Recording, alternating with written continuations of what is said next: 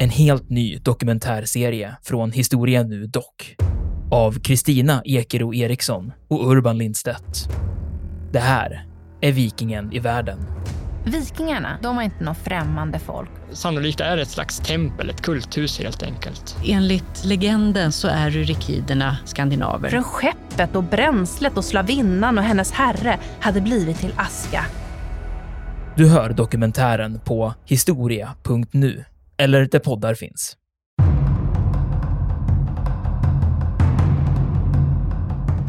Winston Churchill förstår ju också symbolvärdet i att vi måste vinna Nordafrika. Så han åker faktiskt ner dit. Han gör ett personligt besök och detta filmas eh, också. Och, och, och, redan från början när man eh, börjar skicka britterna dit så ser man också till så att det finns ett ordentligt filmteam. Filmen som producerades den heter Desert Victory och blev, blev klar 1943. De här bilderna har återanvänts i så många olika sammanhang. De återkommer i filmer, alltså spel, Hollywood-spelfilmer och så från den här tiden.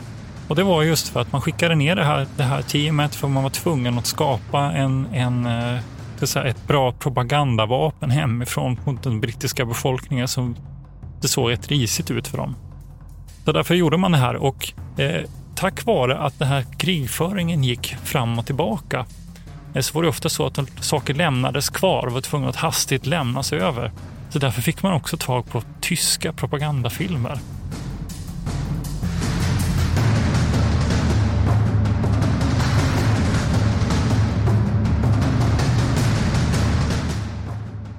Militärhistoriepodden är podden om krig med människor och samhället i fokus. Programledare är Martin Hårdstedt, professor i historia vid Umeå universitet och Peter Bennesved, doktor i idéhistoria. Podden ges ut av förlaget Historiska Media. Stöd gärna MH-podden via vårt swishnummer 123 610 76 68. Märk betalningen med MH-podden.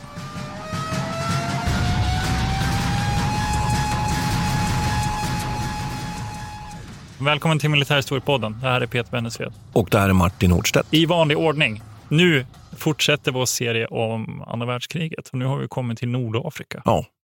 Och det ska bli väldigt spännande. Det är, I öknen så råder ju lite speciella förutsättningar och här har vi några intressanta karaktärer som har verkligen har blivit som, eh, vad ska man säga, jag vet inte, halvgudar nästan. Eller upp, Strategiska halvgudar. Uppväxt med ja. ökenräven, ja. Rommel och Monty. Monty. Montgomery. Och faktiskt en som vi kanske kommer att föra in här lite. Och. Mm. Precis. Och jag vet inte riktigt vad man ska... Egentligen så... Vi kan ju backa bandet lite och fundera på vad har vi varit senast nu? Har vi pratat en del om Stilla havet i vårt senaste avsnitt om, om andra världskriget och då var vi i Pearl Harbor sist va? Mm. Eller har vi haft någonting mer däremellan? Singapore. Singapore också, mm. just det. Ja, men nu hittar vi tillbaka till, till Europa och, eh, och det är ju egentligen här lite grann efterverkningar efter Kreta. Mm. Det som hände här efter mm. italienarnas invasion eller misslyckade försök i Grekland eh, och Libanon. Och de rör sig neråt här mot Nordafrika också. Kom ihåg att vi stannar här. Och så hela det operativa spelet med, med, med förbindelserna över Medelhavet. Mm. Eh, och där man kan egentligen säga att, att Nordafrika är ju visserligen inte Europa, det inser ju alla geografiskt.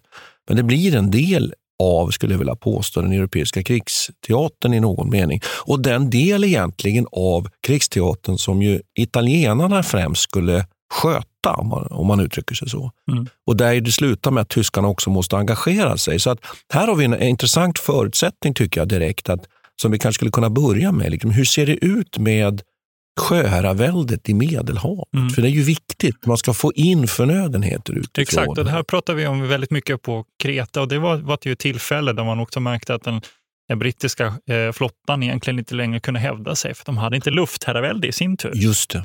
Mm. Så att mm. de var ju jättemånga skepp som sänktes under den här tiden och man hade svårt med mm. konvojerna. Och det, här, det, det, fortsätter ju egentligen under den här perioden. Men ska ja, vi säga, ja. vi, vi, kronologiskt sett så är vi ju då, alltså det här börjar egentligen under vad blir det, sommaren 1940 egentligen. Redan, och sen ska ja. vi liksom nu sträcka oss fram till oktober 1942. Och, och, där ju slaget vid El Alamein, eller andra slaget vid El Alamein ja. som en, en del det är en ganska lång säger. period. Vi brukar egentligen inte ta så långt, vi brukar ta enskilda händelser, men grejen är att det här är på något vis, det ramas in fint i de här vad ska man säga, slagen som sker här och den Mm. pendels, pendelrörelsen Ja. mellan britter, britter och, och tyskar egentligen. Så att det, eh, det blir ändå som en koncentrerad händelse här. Ja, man skulle kunna, man skulle kunna säga att det, är- det är ett väldigt, man, ett rännande egentligen då fram och tillbaks här. Och där ju italienare och britter och, och tyskar och britter genomför ett antal då Ja. motoffensiver. Och vi kommer ju till att försöka reda ut det där och förklara varför det är så. Men jag tycker ändå vi skulle kunna börja där ändå med det där sjöärväldet. För det visar sig då att vid den här tiden, då, sommaren 1940, så så ligger ju i vågskålen någonting som är väldigt, väldigt eh, viktigt för britterna och det är att man är starkast till sjöss. Man har haft då förluster i samband med Kreta, eh, luftlandsättningen som vi har pratat om. Men det är ändå så att räknar man in det man har då i slagskepp och jämför med det italienarna har så är man ganska lika. Italienarna har sex slagskepp, britterna har fem, men så har man då också hangarfartyg. Och eftersom man ju faktiskt har slagit ut då den franska flottan som ju övertas då av tyskarna i och med Frankrikes fall. Eller man kan ut, skulle nog kunna uttrycka det mer exakt. Man är rädd för att tyskarna ska få kontroll över den franska flottan. Och det, den oskadliggör man ju då faktiskt genom det här anfallet då mot Mers det här är ju- el-Kebir. Och det, det är Exakt. 3 juli skulle jag vilja säga. Då. Så det gör att det man har kvar då är Ja. ju den italienska flottan. Och den måste man då neutralisera och då lyckas man då göra det. Eh, dels genom att man möter den italienska flottan i, i sjöslag, men också att man genomför den här spektakulära Torpederingen. Ja. Ja, I Ta- hamn. ja, vid Taranto. ja. Och det var ju det vi var inne på med Jo, Pearl precis. Harbor. Vi snackar ja. om de här Swordfish-flygplanen som inspirerade Ja. japanerna. Och, så inte. och så komma ihåg, som en liten inpassning här att just det här är ju också orsaken till varför man inte kan understödja Singapore till havs heller. För att man måste, britterna måste behålla sina styrkor här. Ja, kan inte flytta över. Nej. Nej. Och då ska man komma ihåg att hotet mot de brittiska öarna är borta. Men man har en situation där det finns då en, en stor italiensk armé i Libyen. Britterna är numerärt underlägsna i Egypten och man kan också nämna här att det faktiskt förekommer strider mellan britter och italienare i, i, i öst, östra Afrika, bland annat i Etiopien, där britterna i alla fall inledningsvis måste backa därför att italienarna är numerärt överlägsna. Och sen handlar ju nu hela det här spelet om att man i Medelhavet måste kunna då föra då för, för axelmakterna Italien då från Sicilien till Tripoli. Och britterna måste kunna få in eh, förnödenheter, antingen förstärkningar, materiell och så vidare, genom konvoj genom Medelhavet till Alexandria och Kairo, eller bakvägen runt Afrika, Mm. Suezkanalen. Så det är ju de två förbindelserna man har. Och så kan vi ju nämna också, vilket ju bör bli kanske ett, ett, ett eget avsnitt vid något tillfälle, faktiskt också detta med Malta, eh, som ju inte längre kan fungera som flottbas men som är mer ett, liksom ett flytande hangarfartyg på något sätt där för Det är kul, det, någon gång får, får det bli en Malta Det får, bli, det får bli en Malta, Malta 2 där, ja. Ja. precis. Vi har ju pratat om, om den medeltida eller johanniterridernas försvar Ja. av Malta. Så att det är ju Alexandria då som blir den här, den här basen egentligen för eh, de allierade i Egypten. Då. Så där är utgångsläget tycker jag, så att man har klart för sig det. Och att britterna ju genom de här eh, åtgärderna då lyckas ju neutralisera den italienska flottan. Och Det tycker jag är viktigt, för vi har ju alltid lite ambitionen att försöka ha liksom en övergripande syn på kriget. Mm. här. Så att det är inte bara så att striderna förs i öknen i Nordafrika, utan det här är ju minst lika viktigt. Alltså. Egentligen kan man, skulle man kunna säga att det är ett logistikkrig på Det är, sätt. det, och jag säger minst lika viktigt. Det, det Ja. är kanske det egentligen viktigaste, att man kan få in förnödenheter, få in förstärkningar, få in materiel. Planning for your next trip? Elevate your travel style with Quince. Quince has all the jet setting essentials you'll want for your next getaway, like European linen, premium luggage options, buttery soft Italian leather bags, and so much more. And it's all priced at 50 to 80% less than similar brands. Plus, Quince only works with factories that use safe and ethical manufacturing practices. Pack your bags with high-quality essentials you'll be wearing for vacations to come with Quince. Go to quince.com slash trip for free shipping and 365-day returns. Many of us have those stubborn pounds that seem impossible to lose, no matter how good we eat or how hard we work out. My solution is PlushCare. PlushCare is a leading telehealth provider with doctors who are there for you day and night to partner with you in your weight loss journey. They can prescribe FDA-approved weight loss medications like Wagovi and Zepbound for those who qualify. Plus, they accept most insurance plans. To get started, visit plushcare.com slash weight loss. That's plushcare.com slash weight loss. Millions of people have lost weight with personalized plans from Noom, like Evan, who can't stand salads and still lost 50 pounds. Salads, generally, for most people, are the easy button, right? For me, that wasn't an option. I never really was a salad guy. That's just not who I am. But Noom worked for me. Get your personalized plan today at Noom.com. Real Noom user compensated to provide their story. In four weeks, the typical Noom user can expect to lose one to two pounds per week. Individual results may vary.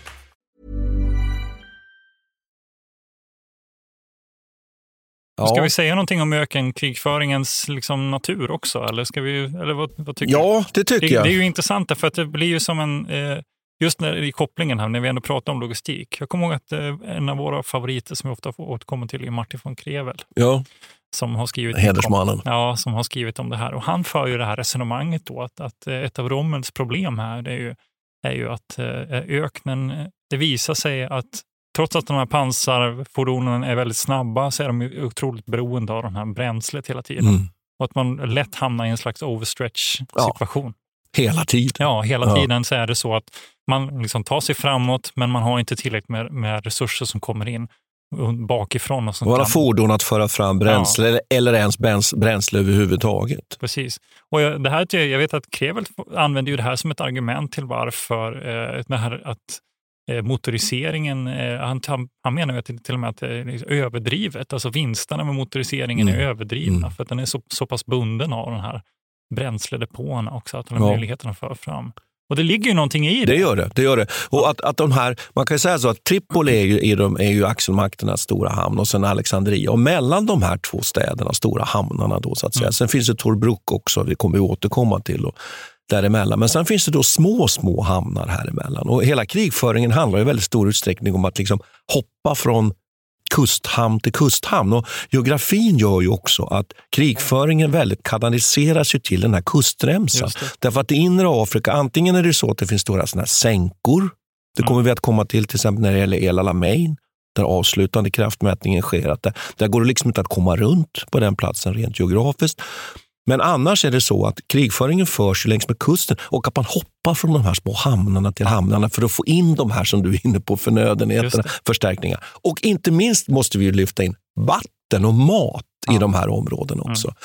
Och Det gör ju att krigföringen, om man bortser då från vissa platser, jag nämnde El Alamein, där det är svårt att liksom flankera, kringgå motståndaren, så är det så att den här ökenkrigföringen handlar väldigt mycket om att man, man rör sig kring den här kustvägen och så försöker man så att säga att utflankera motståndaren och komma runt bakom. Och när motståndaren inser att oj, nu, shit, nu håller de på att, att backa, ja då gäller det att backa. Och därför blir det ju som du pratar om här, den här ganska märkliga liksom pendlandet fram och tillbaka. Och Rommel genomför ju bara han två stycken offensiver egentligen och kastas tillbaks. En ny offensiv kastas Exakt. Jag tillbaks. tycker geografin spelar också roll här. Alltså det är stor skillnad på att eh, föra krig i öknen och, och föra krig i ett europeiskt skogslandskap. Jo. Eller, det Jo. finns liksom inga naturliga hinder utan väldigt få av dem också som gör att och, och man, har, eh, man ser väldigt långt och eh, Mm. liksom få kullar och sådär. Så det gör ju också att det blir lite som en slags sandlåda. De rör sig. Bokstavligt talat då blir det förstås, men det blir som en slags, nästan som ett spel. Ja. Och Det här är en av orsakerna med att man hade kallat det här eh, för kriget utan hat. För att man tycker att det är, eh, har beskrivit det som ett slags Ja, men en krigföring som är nästan gentlemannamässigt utförd, lite som ett krigsspel. Just och där det. är Mm. betydligt färre civila Mm. offer också. Så ska man, inte, man får inte glömma bort att det bor ju förstås människor där i ökenområdena också. Men det är väldigt men få, betydligt man färre. ja. Och de är inte Mm. involverade i, eller liksom risken att skada dem är inte alls Nej. lika stor som det skulle vara i mer urbaniserade områden i, i, i centrala norra Europa. Så det är ju spe, väldigt intressant. Jag tycker att bilden av det här ökenkriget här kan man ju nämna också är ju väldigt annorlunda från från eh, invasionen av Polen eller Frankrike. För det, finns Ja. ett, det har inte heller liksom blandats in det här typer av eh, eh, folkmordsaspekter i det heller. Det Nej, finns nej. inte riktigt samma typ Eller av civilbefolkning som du Ja. säger överhuvudtaget, inte egentligen en faktor. eh, Exakt, det blir mer som Nej. en slags urtyp av hur krigföringen ska gå Ja. till under den här tiden som gör det också lättare att att eh, så här, eh, lyfta upp Rommel till exempel även på motståndarsidan och säga han kallades ju för Desert Fox ja. av britterna. Och det var ju en slags mm. Eh, upphöjning av hans karaktär mm. egentligen och hans förmåga. Men, men jag skulle vilja spela vidare och säga det också, ja. att, att sådana saker som flyget här, att man liksom verkar mot pansar blir väldigt betydelsefullt. Ja. Mm. Och också att här, här föds ju också den här Special Air Service, alltså SAS föds ju här med som specialpatruller under den här krigföringen. Så att det finns då en del inslag här, nymodigheter, att man behöver helt enkelt för, förband, specialförband, underrättelseförband som kan liksom se till att, att det inte är någon där inne så att säga, i, i öknen och som också kan slå mot just det här, de här flygplatserna eh, eh, som ändå är, finns ganska oskyddade. Mm. Och Det är ju precis det de gör, de här SAS så småningom. De slår ju ganska framgångsrikt mot de här tyska flygfälten. Då. Så det finns en del sådana aspekter. Jag tyckte det var väldigt bra fångat, funnet det där just att som en sandlåda. Och inte, vi menar inte att kriget är som en sand, sandlåda. Det brukar ju vara ett sånt där nedvärderande begrepp eller metafor. Men att det, det, jag tror att den bilden är ganska god här. Med en, en avlång sandlåda med en väg och ja. sen en kustremsa. Ja. Så skulle man kunna säga. Precis, Mm. Men jag skulle bara vilja, vilja, för att driva på lite kronologin ja, här och konstatera lite så här att det är ju så här att, att italienarna har ju ett numerärt övertag inledningsvis. Här. Graziani. Graziani har en armé på ungefär 200 000 man. Och den, den som inledningsvis är befälhavare på den, på den brittiska sidan, man har liksom inte inrättat något större kommando här, utan man har en, man har en general som är chef för 63 000 brittiska soldater och Commonwealth, alltså samväldesoldater som finns då i Egypten. Och, eh, Wavell heter han. Och, eh, den här Graziani, han, han eh, inleder ju faktiskt med ett anfall i september 1940. Här öppnar liksom krigföringen upp. Och att italienarna kan göra det här, det beror just att fransmännen inte längre från eh, sina eh, kolonier längre bort, längre västerut, kan ut, utöva något tryck på italienarna. Mm. Utan plötsligt, i och med att Frankrike faller, och att de här eh, franska trupperna på något sätt kommer under kontroll av det samarbetsregeringen som ju bildas i Frankrike, Vichy, så blir plötsligt italienarna nu, ah, de blir fria att kunna sätta in allt mot britterna och det gör de då. De anfaller in i Egypten men den här offensiven kastas ganska omgående tillbaks. Och den här Wavell-offensiven då, som möter det här italienska anfallet blir oerhört framgångsrik. Och jag nämnde ju här att italienarna var 200 000 och britterna 63 000. Men eh, ganska omgående så ringar britterna in 130 000 italienska soldater och tar mm. dem till fånga. Och det här är ju naturligtvis en katastrof och det här kan man ju diskutera väldigt mycket nu. Varför är italienarna så dåligt förberedda ja, för alltså, Det är återkommande. Det är återkommande. är så himla ja. dåliga? Och vi får be om ursäkt om det är någon som har med italienskt påbrå som tar illa upp men man kan måste ställa ja. den frågan. Det, det, det är spännande. Vi kanske inte... Ja, men de har ju samma problem i Grekland också. De, ja. de klarar inte av eh, liksom, Nej, det får ju egentligen tyskarna faktiskt ja. komma till deras undsättning. Även där. Ja. Och Det kan man fundera lite kring, att den italienska armén var inte övad och inte förberedd. Och att italienarna har ju även problem före andra världskriget när man ska mm. överta och försöka pacificera Etiopien, Etiopien vilket mm. man inte riktigt klarar av att göra. Och samtidigt så mycket ambition också. Att liksom, göra Mare Nostrum igen. Alltså att ja, göra sig liksom, ja. återupprätta någon slags romerskt eh, forntida rike. Ja, men det måste ha att göra med kompetens, det måste ha att göra med utbildning, det mm. måste ha att göra också med materiel och det måste också ha att göra med, med, med sådana saker som stridsmoral. Det, det, alla de här faktorerna mm. naturligtvis. Vi kan bara konstatera att italienarna nog eh, lyckas väldigt dåligt med krigföringen generellt under andra världskriget. Eh, och jag tror inte att det är någon som säger emot mig på den punkten. Nej. Inte du i alla fall. Nej, inte sen kan man då säga så att det som händer sen, den här Wavels offensiv, den är väldigt framgångsrik och han trycker på. Han börjar liksom närma sig Tripoli, alltså västerut. Och där kan man ju tänkt sig att det här hade varit finito sen då, om britterna redan här hade tagit Tripoli. Men det som händer då var ju det du var inne på. Att nu flyttar britterna då trupper från Nordafrika till Grekland för att möta Eh, det tysk-italienska hotet den vägen. Och nu kommer ökenräven, kliver in på scenen här nu då. Rommel med femte lätta divisionen, och den femtonde pansardivisionen, den, den, den legendariska. Och eh, från slutet då av mars, med början från den 24 mars, så, så genomför nu då Rommel sin första offensiv. Så nu har vi redan haft en pendel. Och nu, alltså nu, och nu slår den tillbaks och Rommel återtar då det som italienarna har förlorat. Och här tycker jag man kan nämna faktiskt en sak, att eh, Torbruck, som ju ligger på den här vägen, innesluts här. Men hålls då av den här nionde australiensiska divisionen. Och jag kommer ihåg när jag var liten såg en sån här dokumentärfilm, du vet med såna här svartvita bilder och sånt ja. där. Och jag kommer ihåg att jag fascinerades så över den här australiensiska divisionen. Ja, vi, ska prata, vi, ska prata, om den där dokumentärfilmen. Ska du göra det? Okej, okay. ja, ja vad bra. Och då ska jag bara konstatera det då att, att, att då ser man genast här under då Rommels, den här motoffensiven som blev framgångsrik, som kastar ju tillbaka britterna, precis just det här vi har pratat om, att de här överflygningarna och också det här att det hela tiden är viktigt att ta de här små hamnarna, Mm. Eh, vad det nu kan vara, där man kan få in förnödenheter. Att hela ja. den här eh, ökenkrigets liksom dynamik här blir väldigt Och Rommel klarar egentligen inte av att stanna kvar i Tobruk heller. Alltså just för att logistikproblemen. Han kan inte understödja sin Nej. Sin alltså och, han lyckas inte nog pressa på nog mycket. För, nej, och, nej. och sen är det så här då att, att det är inte nog med det här nu då, utan då, då gör britterna ett försök mot offensiv här. Nu har mm. kanske lyssnarna börjat lära sig liksom hur det här går till nu. Det är fram och tillbaka. Här. Och den misslyckas fundamentalt, den här motoffensiven. Därför att Rommel flyttar fram de tyska positionerna österut. Och det som ju britterna då möter när de anfaller med sina stridsvagnar som ju faktiskt inte håller riktigt den nivå som de tyska stridsvagnarna gör. Det är så att senare här så kommer så, kommer så småningom den här Sherman-stridsvagnen och Grant-stridsvagnen att komma in som amerikanskt, amerikanska tillskott till det här kriget och de klarar ju av att hantera de tyska stridsvagnarna. Men, och det här, det här nu kommer ju en klassiker här. Mm. Eh, man kan säga att tyskarna gör så att de, de får ner hastigheten och egentligen slår ut det brittiska pansaret med en mycket känd luftvärnskanon. Ja, 88! Ja. 88 mm. Som, och Det betyder att först låter man helt enkelt det brittiska pansaret anfalla. Man slår ut ganska stor del av de brittiska stridsvagnarna.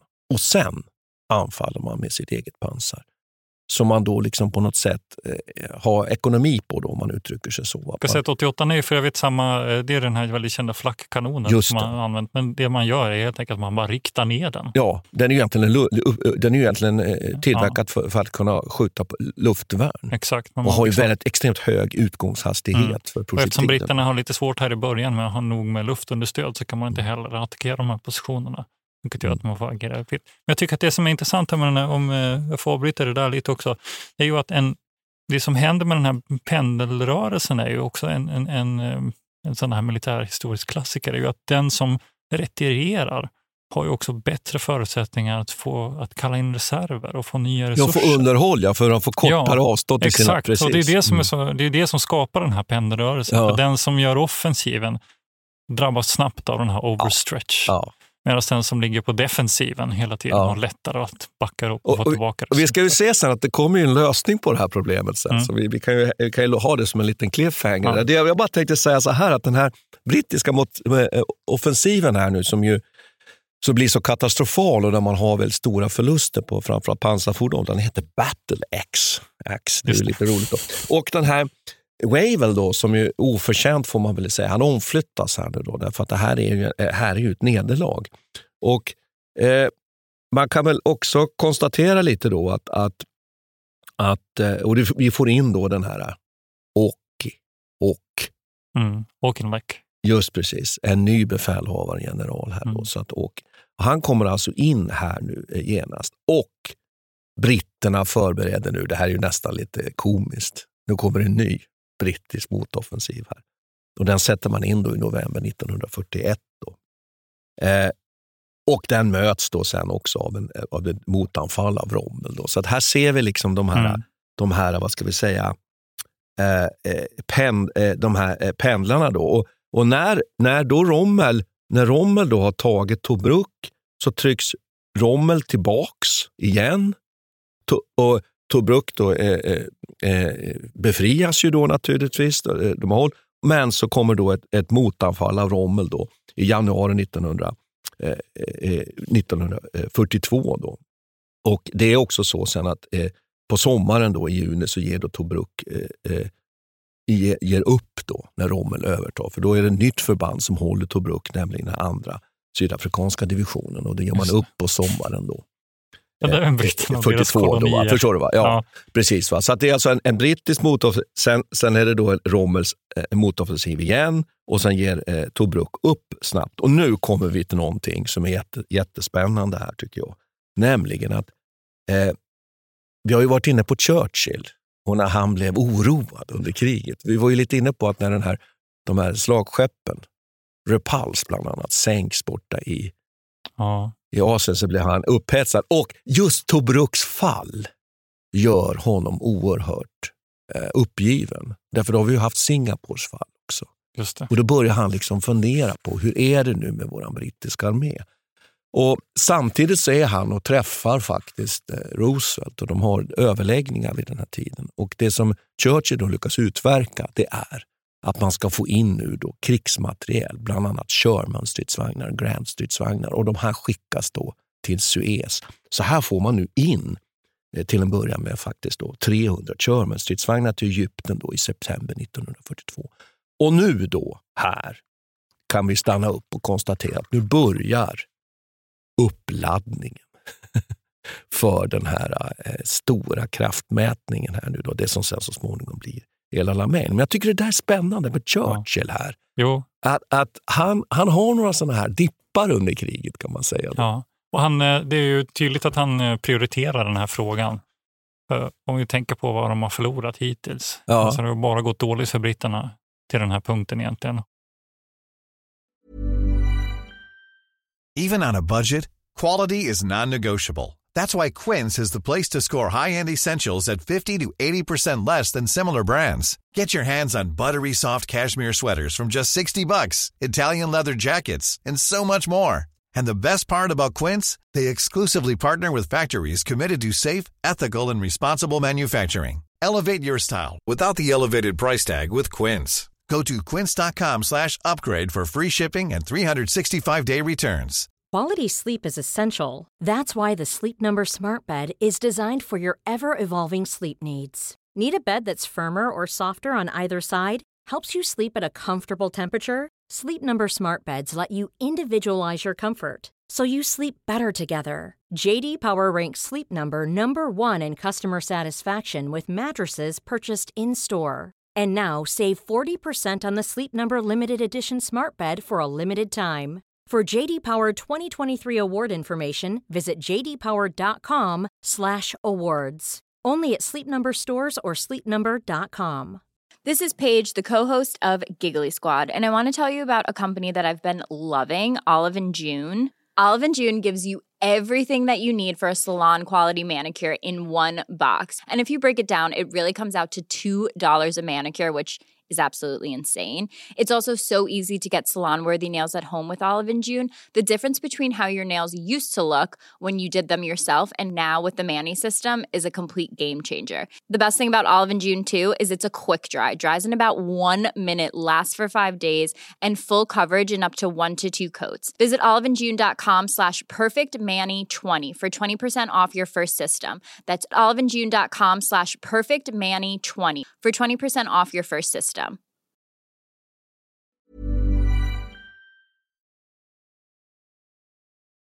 Winston Churchill förstår ju också symbolvärdet i att vi måste vinna Nordafrika. Så han åker ju faktiskt ner dit personligen. Det gör också. han just. det. Han gör ett personligt Mm. besök och detta filmas eh, också. Och, och, och redan från början när man eh, börjar skicka britterna dit så ser man ju också till så att det finns ett ordentligt filmteam.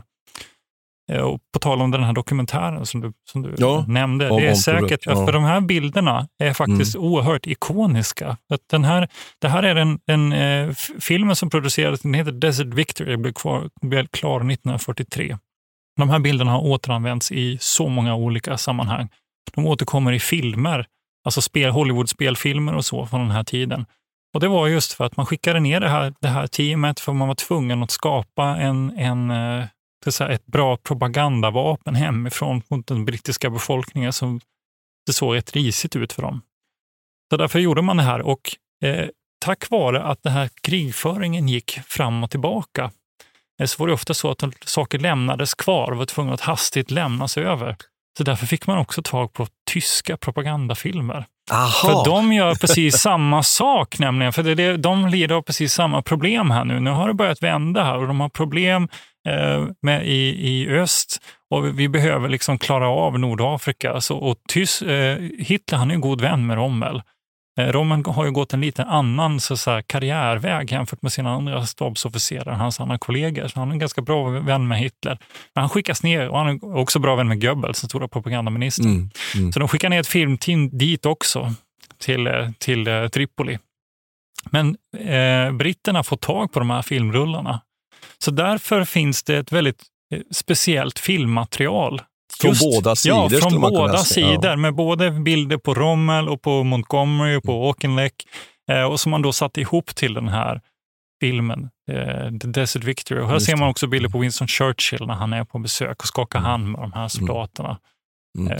Vi kan ju nämna det, jag bara bara nämna det att Rommel är ju, eh, har ju stora meriter från första världskriget. Mm. Bland annat är ju Rommel en av de här unga officerarna som är med Ja, precis. genom Vi- kan ta- Caporetto i, Exakt. Italien. Jag vet inte om vi ska fördjupa oss i det här Jo, men det tycker jag. Det är intressant. Han skrev också en, en, en bok om, om liksom infanterianfall Mm. som, som eh, Hitler läste.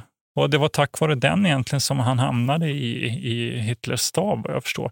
Han är ju intressant på det viset att han har inte det här preussiska adels... Han är ju ingen junker Nej, från början. Utan som du sa, att han Ja. har en annan eh, Exakt. väg in i Så han militära. köpte ju in sig väldigt tidigt på den här nationalsocialistiska ideologin på ett annat Mm, sätt. Han hade mm. inget annat liksom, vad ska man säga, ideologiskt arv Nej. och kom därmed också väldigt nära Hitler.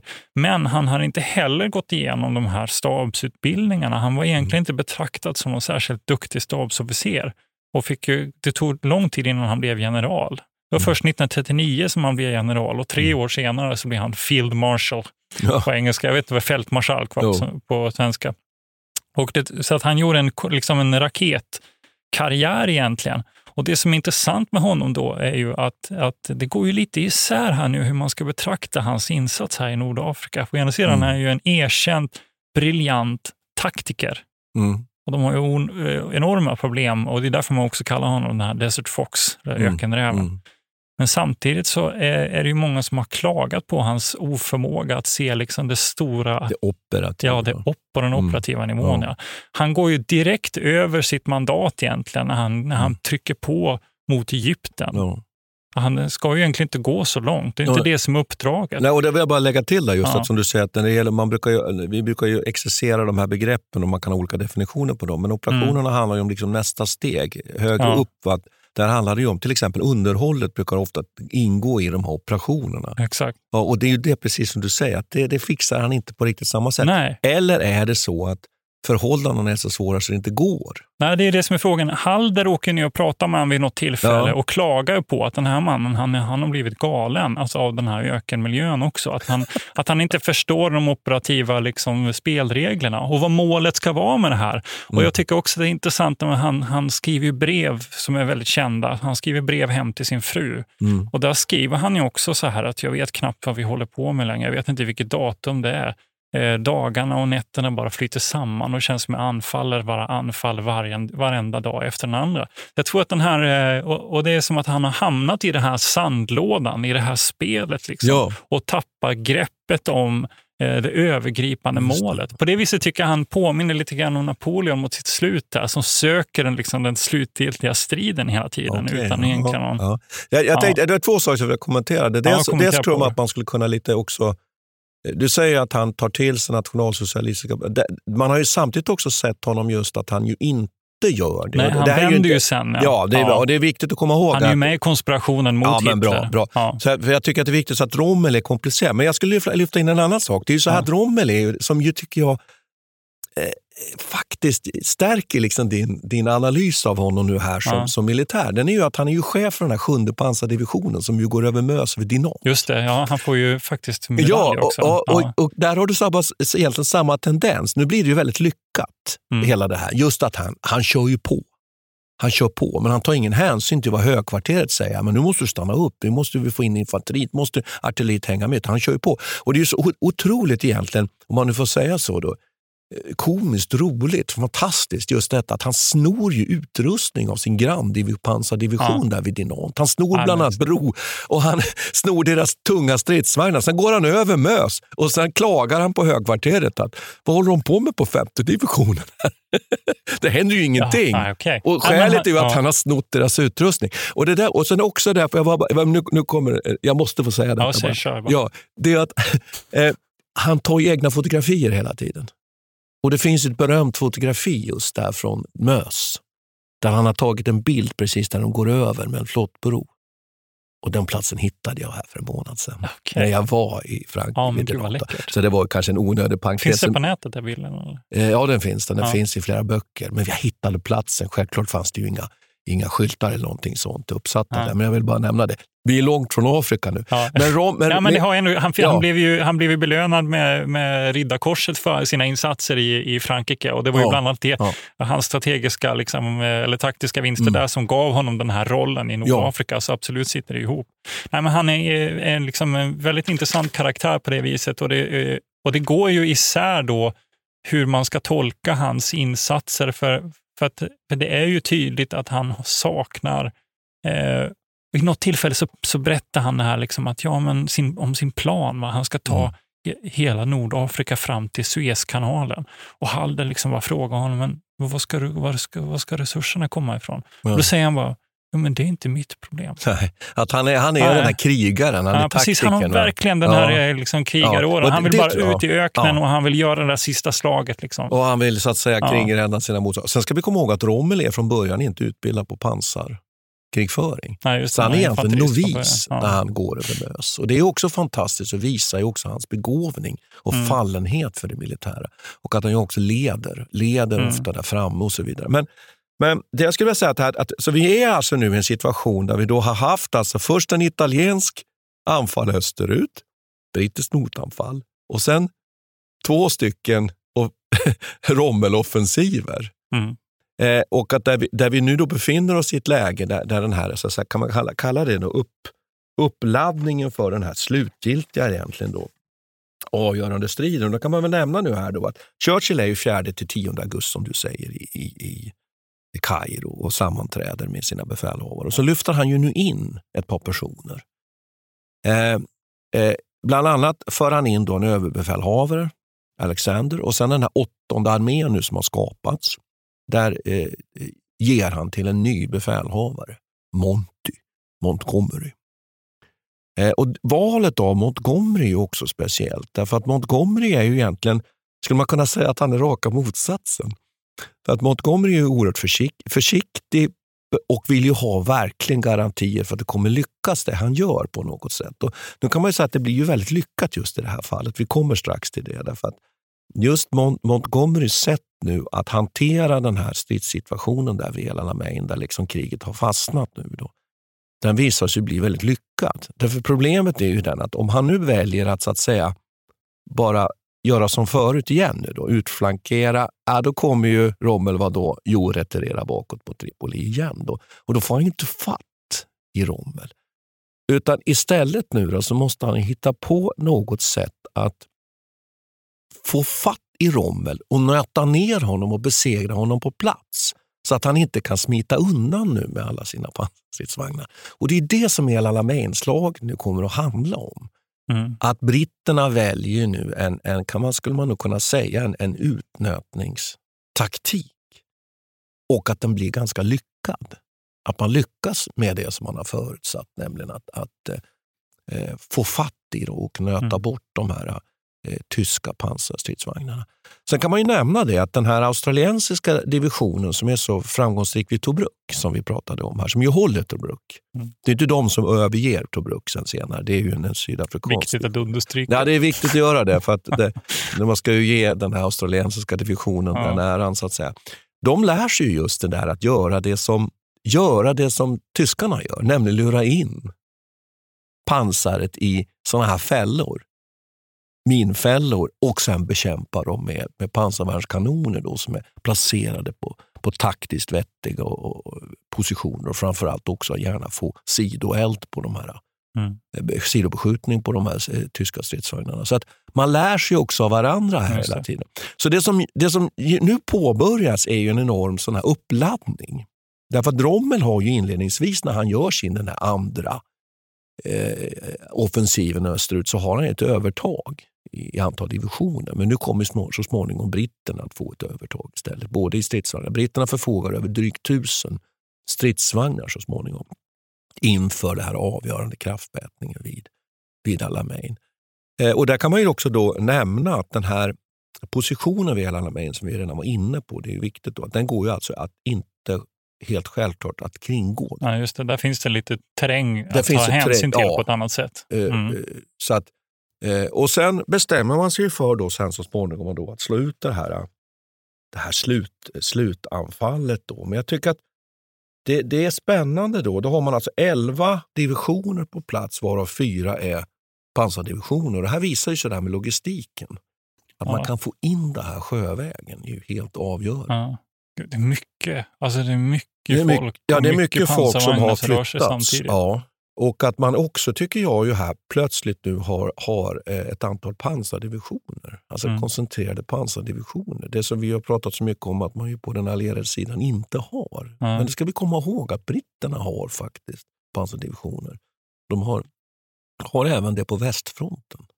Alltså under maj 40, under, under så att säga, eh, eh, Frankrikes fall också. Och, men däremot är man ju inte rikt, lika taktiskt skickliga som tyskarna. Det har man inte. Men här ser man nu att de allierade och britterna i det här fallet har ju börjat ta till sig detta att koncentrera på allvar koncentrera stridsfordonen till, till pansardivisionen och inte sprida ut dem. Det som fransmän, var ju fransmännens olycka under, under eh, maj 40. Då.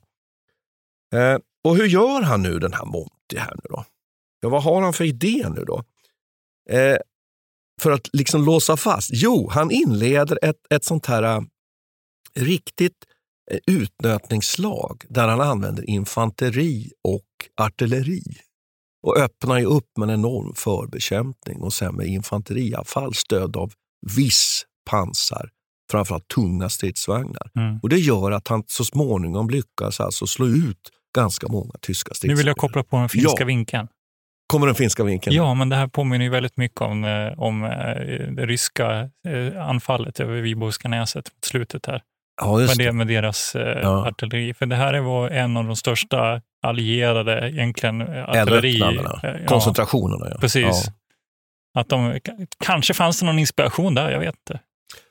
Kanske, jag vet inte. Utan att man, man på något sätt eh, försöker få tyskarna att liksom sätta in stridsvagnar Mm. i de här striderna. Och där kan man då komma åt dem med dels med artilleri men också med pansarvärnskanoner. Det här gjordes för övrigt på natten också. Eh, Ja. och det, en grej med detta var ju också att man skickar fram sina såna här minsvepare, eller man har personer som försöker, det är ju mycket miner överallt. Ja, minröjare. Ja, minröjare, precis, som försöker plocka upp de här under. Det måste vara att, tänk dig att vara, alltså befinna sig under den här bågen av eld egentligen. Och hålla på att gräva upp de här i, i bäckmörker. Mm. De, de har ju filmat det här också. Ja, det är väldigt, väldigt legendariska eh, bilder från Mm. den här, just den här slutstriden när de här minsveparna springer fram och Mm. Röjer taggtråd och liksom lyfter upp eh, minerna för att skapa de här två korridorerna. Just det, för det är det han gör då, Ja. Montgomery. Och då ska vi komma ihåg att det här slaget pågår ju då alltså tio dagar. Mm. Så efter en vecka har han lyckats eh, rensa kan man säga två stycken korridorer. Mm. Rommel har inte retirerat. Och här kommer det in något väldigt intressant nu med det här med politiken också. Att han inser ju Rommel i det här läget att nu, nu har han har så pass hyfsade underrättelser i alla fall så att han vet att britterna har mycket, eh, mycket pansar att sätta in. Och Det gör att han inser ju nu Rommel att det kanske är dags faktiskt att retirera. Men det får han inte göra nu på, på grund av, av order från Hitler, utan han måste stå kvar. Samtidigt ska vi veta också en sak som jag tycker vi bör ta ett, ett avsnitt på någon gång också. Att eh, Britterna har ju hjälp av att man har knäckt tyska skifferkoderna. Just det. Den här kodmaskinen Ja, Enigma. precis, avlyssna deras Så att han vet då, Montgomery vet samtidigt att Rommel har inte tillförsel av, av materiel på det sättet. Så han vet ganska bra vad han har mot sig. Och till slut när man har rensat de här korridorerna som du säger här, då genomför man då efter en vecka det här pansaranfallet. Mm. Och då sitter alltså Rommel ganska fast. och har dessutom försvagade pansarstyrkor. Och så när lyckas man ju fånga Rommel här. faktiskt. Man bryter igenom och man lyckas nästan kring, men då, då räddas Rommel av vädret. Det kommer eh, regnoväder och sånt som gör att man får stopp på de operationerna från brittisk sida och sen kan liksom Rommel eh, slinka ur. Mm. Men jag tycker att det är ganska fantastiskt egentligen här att det här utnötningssättet Ja. Blir det- framgångsrikt. Ja, va? men För det är ganska att hålla primitivt. på i tio dagar. Ja, också. och, Vilken- och Montgomery säger ju själv att det här kommer ju bli nu alltså ett riktigt nötande, ett riktigt Ja. köttigt slag. Och han är liksom medveten om det. Och, men ändå tycker jag att man har ju ibland då tyckt att den här Montgomery har varit ganska så fantasilös befälhavare. Men ibland kanske det är bra att vara fantasilös. Men det finns ju ett sånt här talesätt som säger att amatörerna de, de tänker liksom på, på, på striden medan pro, de, proffsen de tänker på logistiken. Mm. Och jag vet inte om det stämmer riktigt. Det Ja, en men kombination. kanske. Men, samtidigt är det ju ett risktagande där de här korridorerna och göra den här framstötningen Mm. på ett sätt. Så att han, han är väl inte helt, men absolut, det finns ju någonting. De är ju ganska olika karaktärer, Montgomery och, och Rommel. Ja, de är fall- som, som eh, yin, Natt och yin och yang. Ja, Liksom. Ja. Verkligen. Och Mm. där Rommel har gjort sig känd för att vara just den här risktagande personen som hela tiden kommer med liksom oväntade vändningar. Mm. Så det är klart att, eh, ja. Men i det här fallet kan man ju säga att Montgomery genom sitt vad ska vi säga, eh, försiktiga förberedande eh, ger ju Storbritannien och ledningen, Churchill i det här fallet, en Mm. seger som ju Storbritannien så väl behöver. Och det finns ju de här kända orden. This is not the beginning of the end. This is, ja, precis. Ja, eller, This is not even the end of the beginning. Ja, exakt. This is the, the end of the end of the beginning. Ja, just precis. Ja. Så att det, eh, eh, det där var svårt. Men i alla fall. Så, Ja, men det är precis. Nej, men det, det, det säger ju någonting intressant här. Nu, det här är, och det är kanske därför som vi gör det här avsnittet Mm. också, eller varför det här i eftervärlden har blivit så känt. Mm. För det här är ju de allieras första stora vinst egentligen. Det var det de behövde. Liksom. I, I landkrigföring ska ju tilläggas. Ja, exakt. För nu öppnas ju hela liksom Medelhavet upp på ett Mm. annat sätt och nu har man möjligheten att ta sig in i Mm. eh, Europas mjuka delar, Ja. som man säger. The soft underbelly. Ja. Here's a cool fact a crocodile can't stick out its tongue. Another cool fact you can get short term health insurance for a month or just under a year in some states. United Healthcare short term insurance plans are designed for people who are between jobs, coming off their parents' plan, or turning a side hustle into a full time gig. Underwritten by Golden Rule Insurance Company, they offer flexible, budget friendly coverage with access to a nationwide network of doctors and hospitals. Get more cool facts about United Healthcare short term plans at uh1.com. Mom deserves the best, and there's no better place to shop for Mother's Day than Whole Foods Market. They're your destination for unbeatable savings, from premium gifts to show-stopping flowers and irresistible desserts. Start by saving 33% with Prime on all body care and candles. Then get a 15-stem bunch of tulips for just $9.99 each with Prime. Round out Mom's menu with festive rosé, irresistible berry chantilly cake, and more special treats. Come celebrate Mother's Day at Whole Foods Market. Traffic jams, tailgating, pileups. Ugh, the joys of driving. How could it get worse? The federal government wants to have a say in what you drive. That's right. The Biden administration's EPA is pushing mandates that would ban two out of every three vehicles on the road today. Don't let Washington become your backseat driver. Protect the freedom of driving your way. Visit EnergyCitizens.org. Paid for by the American Petroleum Institute.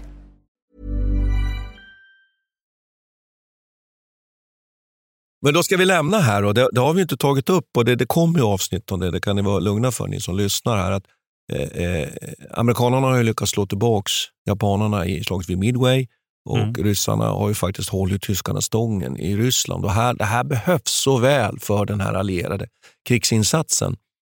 Eh, sen finns det en fortsättning på det här eh, som vi tänkte återkomma till här. För att samtidigt nu med den här Rommels reträtt nu då västerut igen i Mm. pendeln här så kommer ju sen att genomföras då en, en allierad amerikansk-brittisk eh, landstigning, ju Torch i, i Nordafrika. Och den, den får vi återkomma tycker jag. Men, till, men man kan väl också säga så här att det är klart att det är klart att det här var väldigt framgångsrikt, men, men britterna hade stora förluster. Ja. 13 Alltså, de har- 500 man Ja. dödas eller såras eller, eller försvinner. Det är 5 procent av den åttonde armén.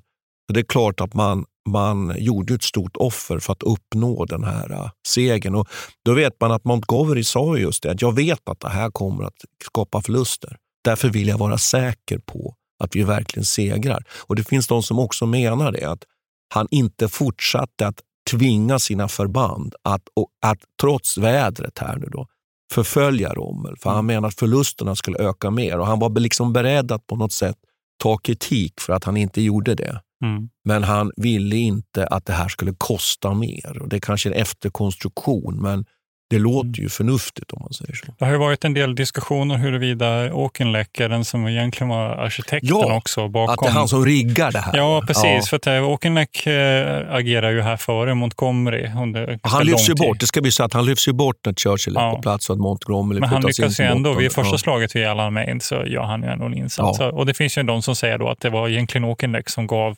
blueprint, alltså liksom Ah, grundförutsättningarna ja, till, till Montgomery. Och så att man, man har höjt upp honom. Och då kan vi säga att första slaget vid Alamein, det är det liksom första Rommels första försök som slår Mm. tillbaka britterna. Och sen kommer den här uppladdningen.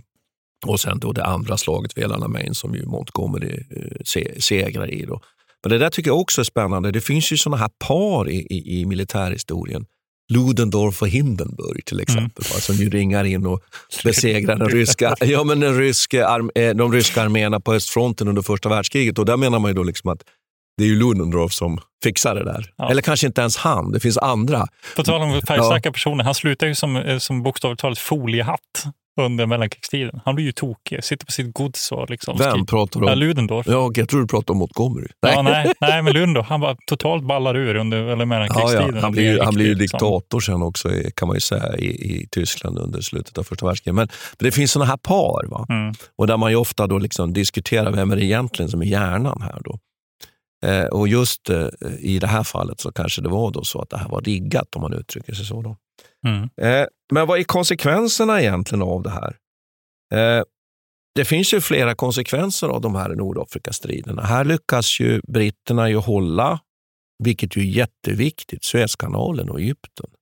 Man vinner en framgång. Man motar eh, så småningom tyskarna ut ur Afrika. Vi har nämnt den här operation Torr som vi ska återkomma till.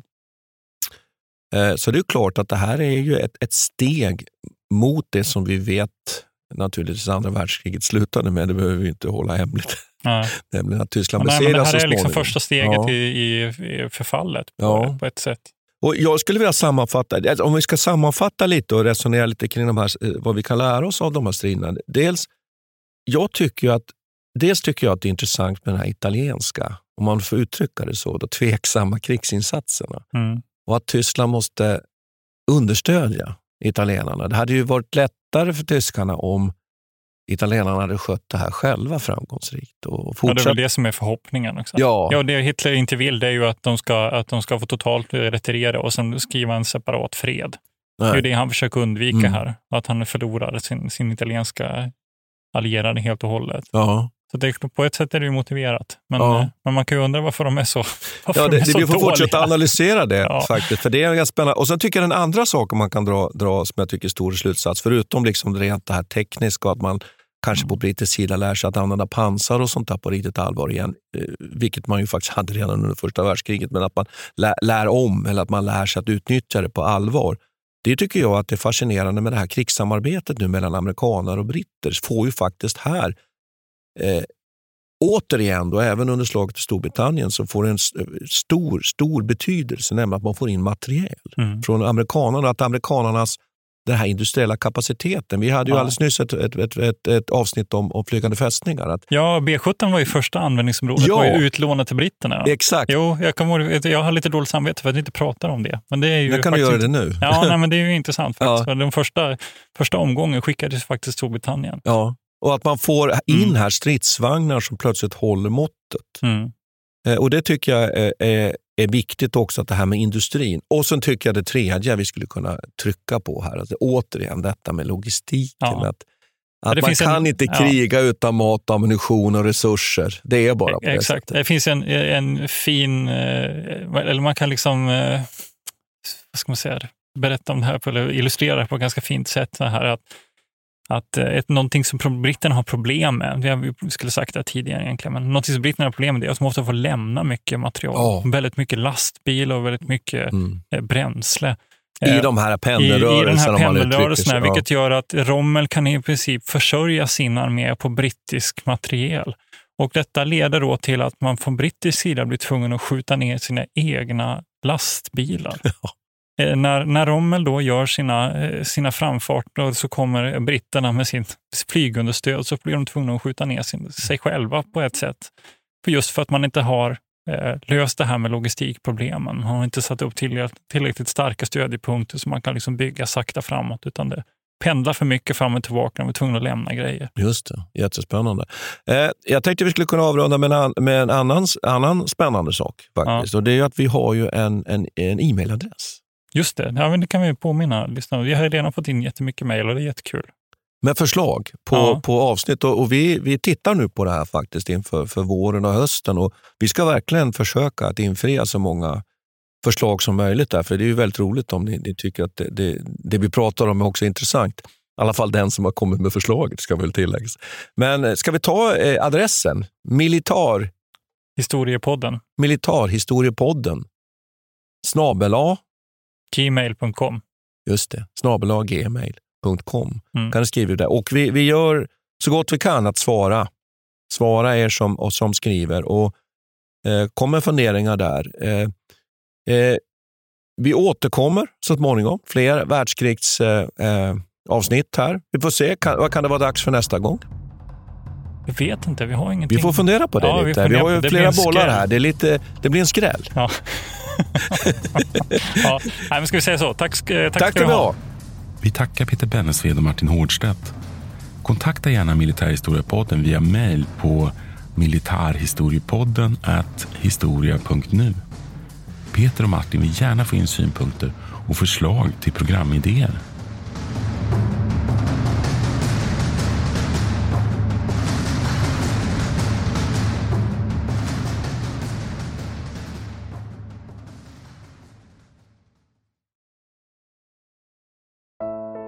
Iran har under 1900-talet genomgått tre omvälvande revolutioner som orienterat landet antingen mot västerlandets modell eller mot en auktoritär styrelseform.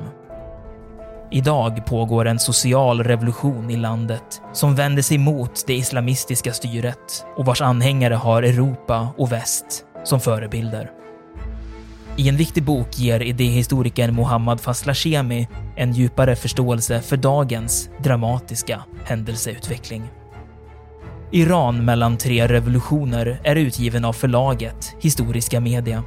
Beställ den fysiska boken på förlagets hemsida historiskamedia.se eller köp den i en bokhandel nära dig.